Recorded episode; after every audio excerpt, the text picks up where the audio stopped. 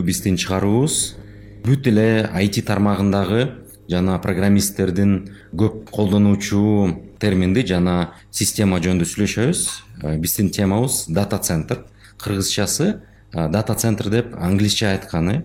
Кыргызчасы маалымат борбору же серверлер жайгашкан атайын мекеме ошол серверлерди өзүнүн кардарларына ижарага берген жана ошого тиешелүү башка кызматтарды көрсөткөн компанияларды дата центр же маалымат борбору деп коюшат. Ошондой эле биздин коногубуз нсп компаниясынын жетекчиси эрмек ниязов. Саламатсыңарбы саламатсызбы биринчисинен айтып кетсеңиз ушу дата центр деген качан пайда болгон негизи анан кыргызстанда силердин дата центр кантип иштейт кандай кызматтарды көрсөтөт негизи ушу маалымат борборлор маалымат э, жана компьютеризация башталганда эле пайда болгон. Бирок э, алардын мындай эволюциясы мындай болгон да мурун мейнфрейм деген чоң компьютерлер бар болчу. Жанагы бөлмөнүн баардыгын ушу мейнфрейм деп коючу да.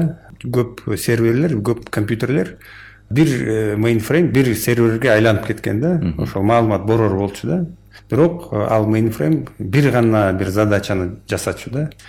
Вот ошон үчүн ошондой бир чоң чоң установкалар иштеп э, бирок ушу компьютерлер жана программалар уже өнүгүп кеткенден кийин серверлердин күч кубаттуулугу көбөйүп вычислительный эмелер кубаттуулугу көбөйгөндөн кийин ошо мейнфреймдерлердин өзүнүн жанагы көлөмдөрү кичирейип баштады да бирок маалыматтардын да көлөмү көбөйүп баштады. Ошон үчүн ошол жерлер көбөйүп баштады талап көбөйүп баштады. Мурун жалаң эле таблица жана мындай цифрлар болгон да. Азыр уже аудио видео. Ошон үчүн ошо маалымат файлдар да чоңоюп баштады. Анан ошондо маалымат борборлор өздөрү ушу америкада башталган да. Бирок э, мурун мисалы бир мекеменин өзүнүн маалымат борбору бар болчу да. Азыр болсо бир маалымат борбордун ичинде көп мекемелер. Э, мисалы мейманкананы алсак болот да эң жөнөкөй мындай. Бир мейманкананын ичинде көп киши эс алса болот жашаса болот. Же общежитие да. Ошондой эле бир эме да мисал да. Ошо маалымат борбору деп биз ошону айтабыз. Азыркы күндөрү маалымат борборлору көбөйүп баратат. Бүткүл дүйнөдө бүткүл дүйнөдө. Биздин кыргызстанда анча мынча бар кичине маалымат борборлор өкмөттүн да өзүнүн маалымат борбору бар. Мисалы улуттук банкта жакында ачты банкта ар бир банкта өздөрүнүн өзүнө тийиштүү маалымат борборлор бар. Бирок биздин мекемебиздин борбору эмне үчүн мындай биринчи деп биз айтабыз себеби биз э, ошондой курдук. Э, эми дата центрди эле айта берели бул международный термин болуп калды да. Дата центрди курдук. Э, себеби биз ошол жерди арендага берип ар бир мекеме өзүнүн серверлерин же өз маалыматын бизге тапшырып ошол жанагы баасын арзандатып биз менен иштесе алат мисалы бир кичинекей ишкана өзүнүн маалымат борборун салам десе анда капитальный көп акча каражат кетип калат башкача айтканда жанагы сервердик э, бөлмө деп коюшат көбүнчө э бөлмө туура. Ошо бөлмөлөрдү куруп алар көп каражат кетет да. Ар бир кондиционер куруш керек ага мындай защита куруш керек анан эми стройка деген ошол да. Үй кургандай эле акча кетет да. Биз анан айтабыз да силер аны курбагыла бизге келип тапшырып койгула. Бизде жана шкаф деп коебуз металлический шкаф. Ичинде биз электричество беребиз. Анан ошол жерде жанагы муздаткычтар бар кондиционерлер себеби серверлер. Ал абдан көп жылуулук чыгат да аны муздаттырып туруш керек. Муздабаса анда серверлер ысып кетип э, бузулуп калышы мүмкүн да. Ошон үчүн ошол кондиционерлер бар. Абанын циркуляциясы болуп турат температура он тогуз жыйырма градус кармап турабыз жыл сайын э, күн сайын. Биздики биринчи коммерциялык маалымат борбор да.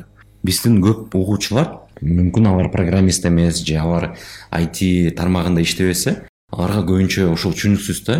Кадимки компьютер менен вот мына компьютер иштеп атат анан ошол менен сервердин айырмасы кандай анткени дата центрде ал жакта серверлер орнотулган. Туура алар ошол жерде тейленип иштешет туурабы туура бул жерде мындай кыстырма айтып кетсек ар кайсы информациялык система же софтвер программа ал кандайдыр бир компьютерде иштеш керек анын иштеши үчүн мисалы силердин офисиңерде же үйүңөрдө турган системный блок коду эле орнотуп койсо болот. Бирок канчалык ошол программанын колдонуучусу көп болсо ошончолук ал компьютердин күч кубаты ошончолук көп болуш керек. Анткени оперативдик э, память э, жесткий диск деп коет хард диск. Ошонун баардыгы бир эсе күчтүү болуш керек да эгерде мисалы көп компанияларда один с программасы колдонулат crm системалар коюлат ip телефония системалары же кандайдыр бир өзүнүн ошо жумушу менен байланышкан база данных маалымат базалары колдонулат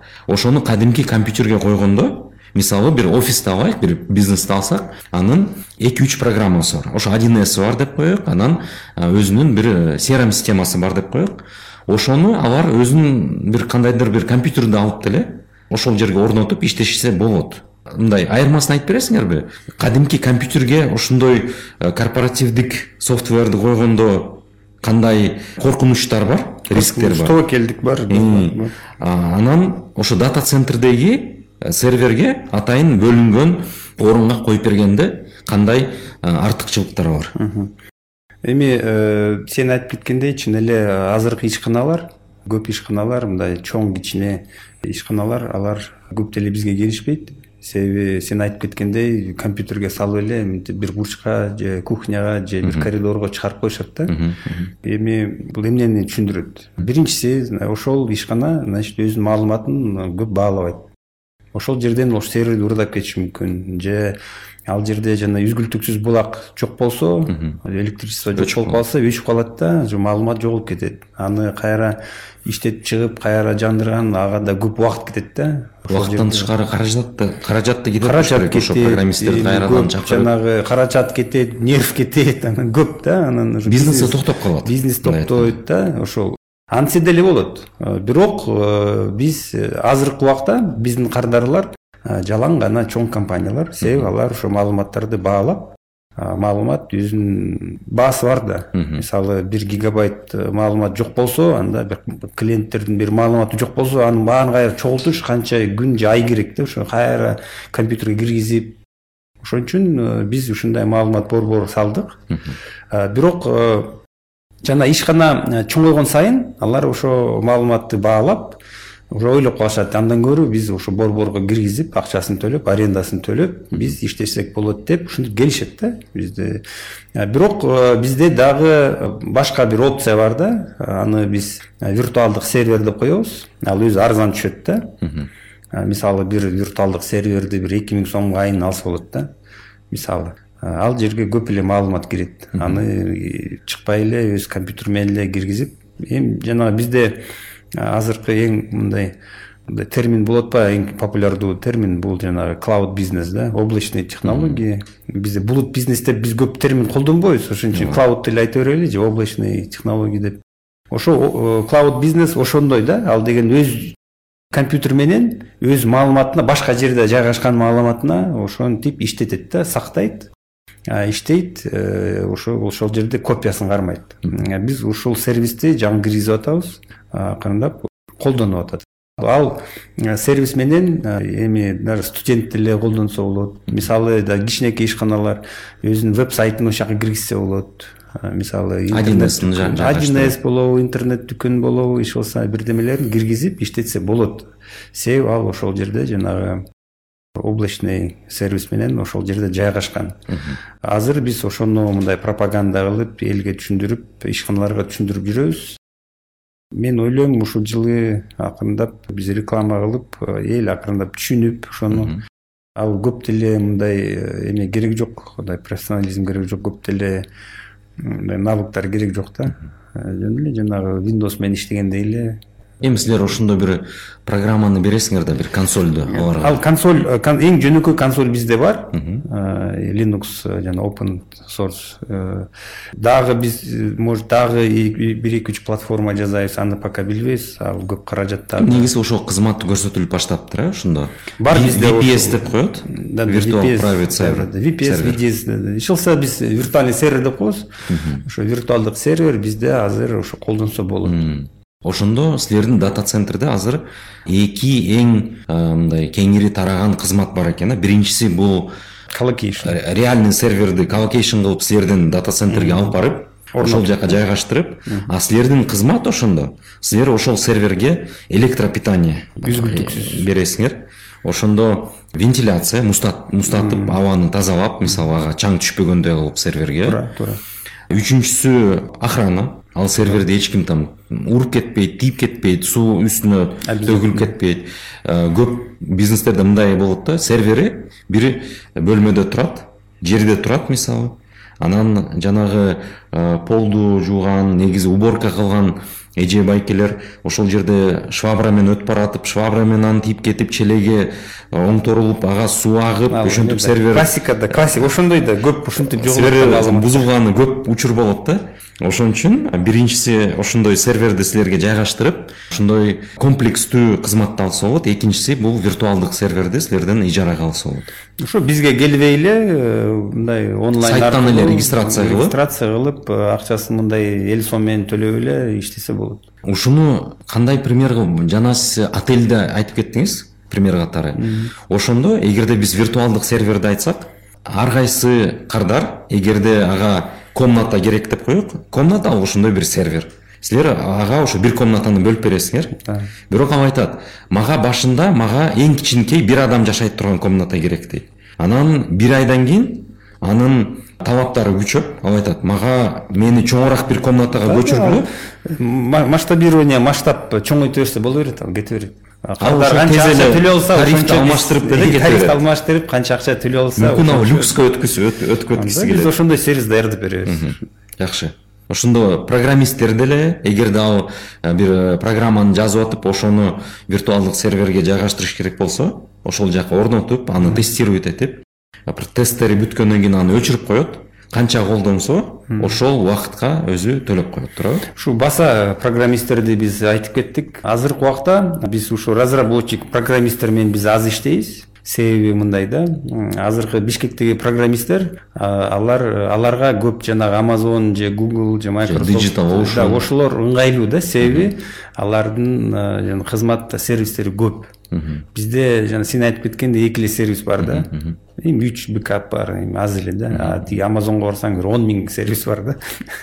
Ошон үчүн биз ушинтип сүйлөшөбүз да программисттер менен бизден алгыла дегенде алар айтат эми кандай сервистер бар микросервистер барбы контейнеризация барбы деп сурашканда бизде пока андай жок бирок биз ошол сервистерге умтулуп анча мынча азыртан кошуп баштайсыңар акырын кошобуз себеби ар бир сервис буга акча сал инвестиция.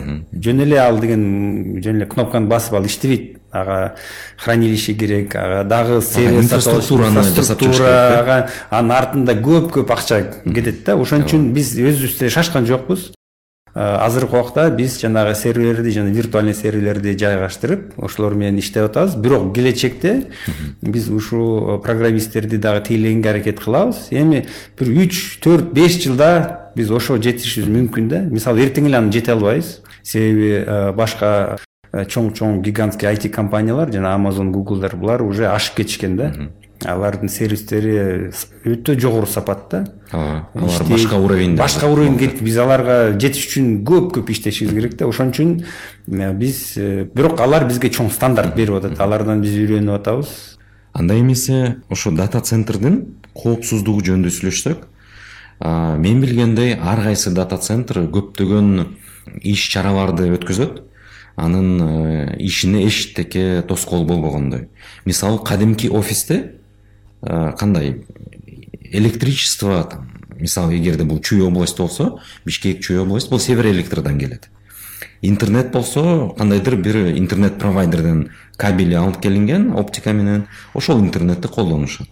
Бирок эгерде э, өткөндө кайсы качан? Мартта төрт саатка ошо борбордук азиянын көп шаарларында бишкекте свет өчпөдү. Ошондой э, учурлар болгондо дата центр кантип э, свет өчсө э, өзүнүн кызматтарын токтотпой көрсөтөт. Мен мен түшүнгөндөй бул дата центрдин эң биринчи мындай преимуществолору да өзгөчөлүктөрү. Негизи эң негизи ушул электричество интернет бул эң биринчи жана негизги ресурс да маалымат борборго ошон үчүн бизде резервдер көп да. Бизде бир эмес эки үч резерв бар. Мисалы электричество боюнча биз эки подстанциядан электричество алабыз. Бири бирине тиешеси жок подстанциялар. бири бирине тиешеси жок подстанциялар. Жана бизде да генератор бар. Ал үчүнчү станция генератор деле станция да ал деле электричество берет да. Ал үчүнчү ввод деп коет үчүнчү станция. Жана плюс ошол жерде аккумуляторный батарея үзгүлтүксүз булак деп коебуз. Ошол жерде аккумуляторлор бар. Ошондо төрт питание. Төрт деңгээлдүү резерв экен да резерв бар. Жанагы аварияны айтып кетпедиңби? Мартта болгону бул чоң авария болду.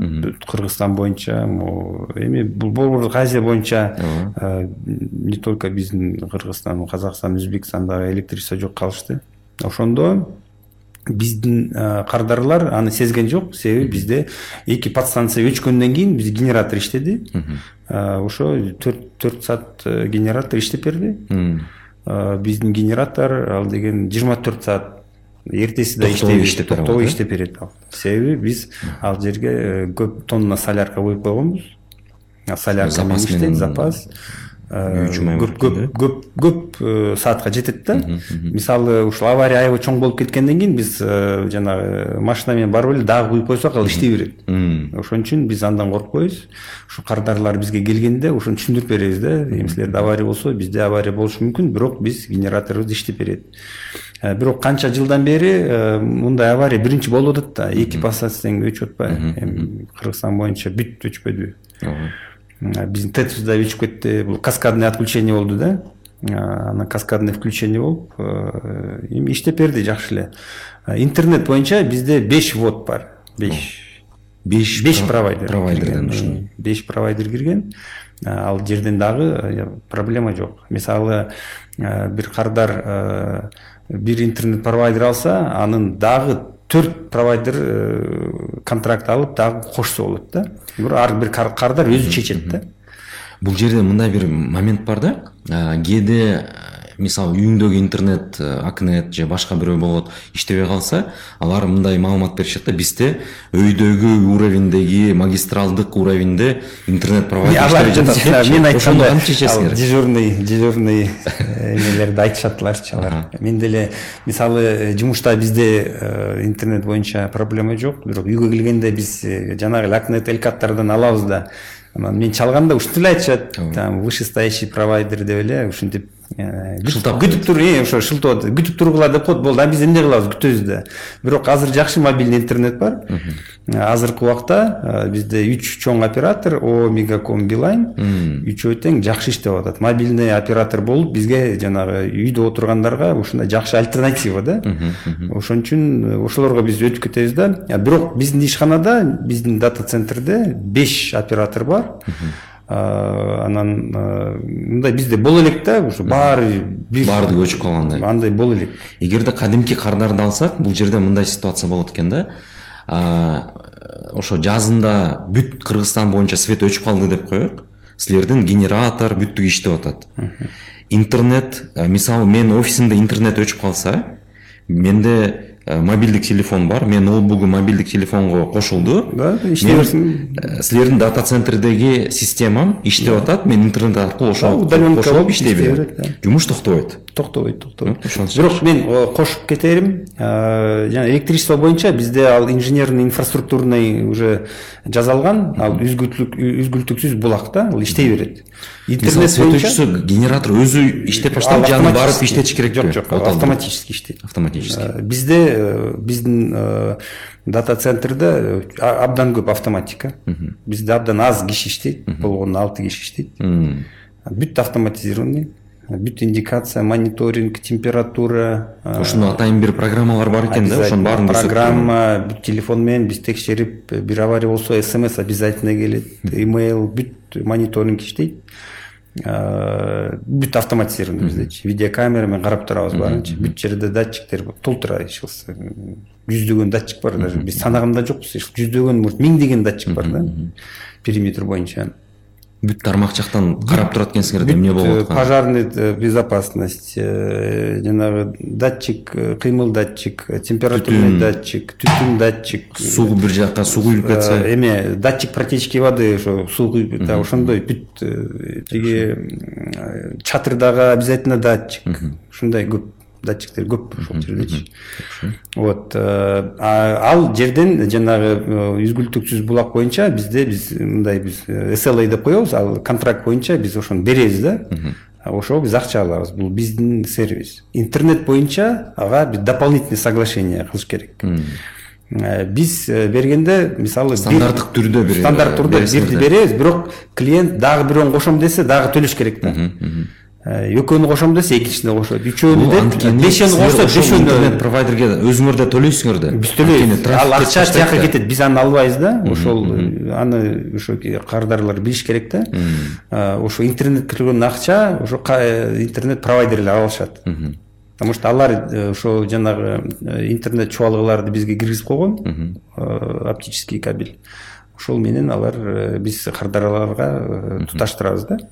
Анда биз как раз тарифтерге келдик тариф негизи эмнеден түзүлөт мисалы жанагы колокейшн кызматына анан виртуалдык сервер кызматына колокейшнден баштайлы. Жана мен айтып кеткен колокейшн бул өзүңөрдүн сервериңерди алып келип биздин шкафка саласыңар. Ошол жерден биз э, жанагы электричествого туташтырып ал иштеп баштайт. Ошондо электричество интернет кошуп бересиңер? Интернет кошуп беребиз анан ошого биз акча алабыз да ошо ip адрес бересиңерби ip адрес беребиз. Сураса. А эгерде экинчи ip адрес бешинчи ip адрес десе биз бере беребиз үстүнө төлөп коет ошонун үстүнө ар бир дополнительный сервиске төлөшөт ар бир ip адреске акча интернет мындай ылдамыраак алам десе акча бүт бирок ал акча интернет провайдерге кетет вот э, анан э, сервер өзү мындай стандартный юнит болуш керек да? Мындай жөнөкөй бул жана профессионалдык жапсак серверлер экен да? э, ошондой болуш керек. Биз мындай жөнөкөй мындай таверди койбойсуз. тавер жөнөкөй мындай жанагы көчөдө үйдө тиги кухняда системный блок биз албайбыз. Потому что ал көлөмү чоң көп алып кетет да тиги электричество көп кетет жок жок электричество аз эле кетет өзү чоң шкафтын ичиндеги көлөмдү көп шкафтын ичин көп ээлеп кетет жок алып келсе болот бирок ошончо төлөп калат да потому что биз көлөмгө акча алабыз беш юнитке төлөп калат экен да ошо беш юнитке төлөп калат ошон үчүн мындай сервер алат бир юнит мындай үчпү төрт сантиметр ушундай бир юнитибиз бизде азыр бир миң сом тегерегинде айына ушундай тариф интернет отдельно кетет интернет дагы жүз мегабит кыргызстан боюнча где то бир миң сомдун тегереги да.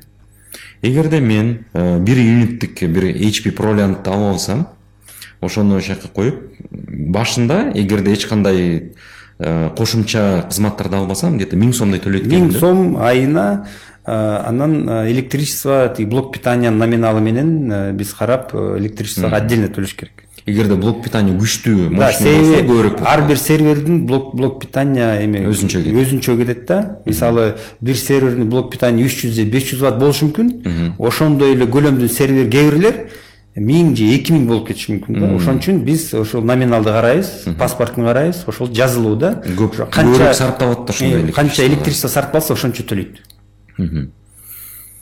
А эгерде кардарлар өзүнүн бир серверлери бар бирок алар кадимки мындай сервер да кадимки компьютерге сервер катары жасап коюшкан бирок алар ошонун кандай десем минустарын көрүп силерге виртуалдык серверди коебуз десечи анан ошону өздөрү которуп которушабы же силер жардам бере аласызбы биз жардам бере алабыз миграция кылганга биз жардам беребиз жардам беребиз ал проблема деле жок жакшы. Анан э, алардан сурайбыз да кандай платформада отурушканын мисалы кээ бирлер линукста отурушат кээ бирлер виндоуста отурушат э, ошого жараша уже. Ошого жараша линукс бекер виндоус акча төлөш керек. Анткени анын лицензиясын силер сатып аласыңар өзүңөр э?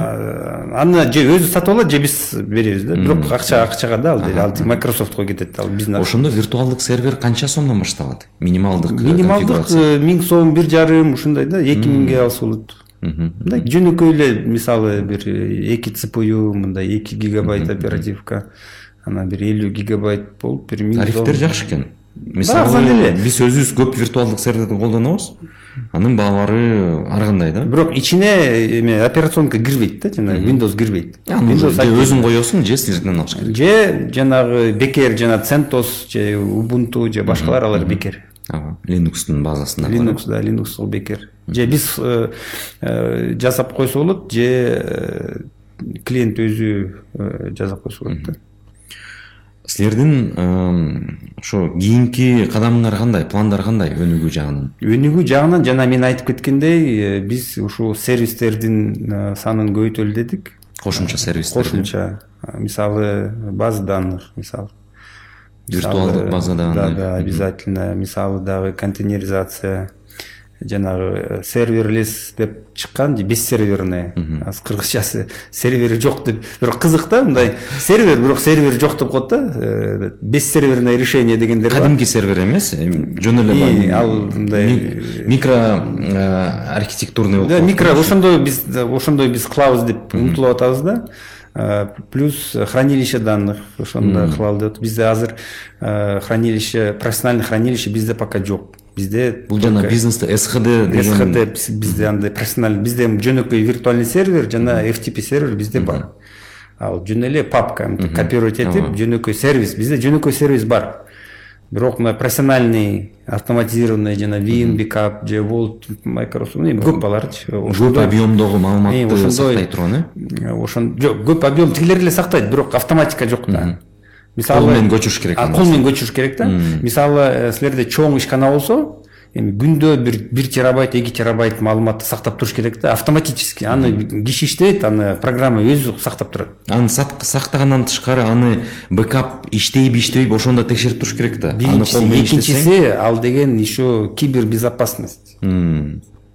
Аны көчүрүп атканда көчүрүп атканда жолдон бирөө уурдап кетпесин деген ошо технология анан биз дагы ошону кылалы деп атабыз да. Ал эме көбүрөөк акча турат да. Бирок акырындап бизде ушундай ишканалар пайда болуп атат. Ушундай талап анча мынча бар. Ошо профессиональный бекап ошондой биз ошондой кылабыз андай решениялар андан көп. Microsoft symantec google ушундай компаниялар чыгарат да. Просто алардан сатып алып ушул жерден жасаса болот да. Жакшы экен же open source кылса болот ал деле иштетсе болот негизи аябай кубанычтуу что биздин өзүбүздүн жергебизде ушундай дата центр пайда болгону силерге чоң ийгилик рахмат. Рахмат келгениңерге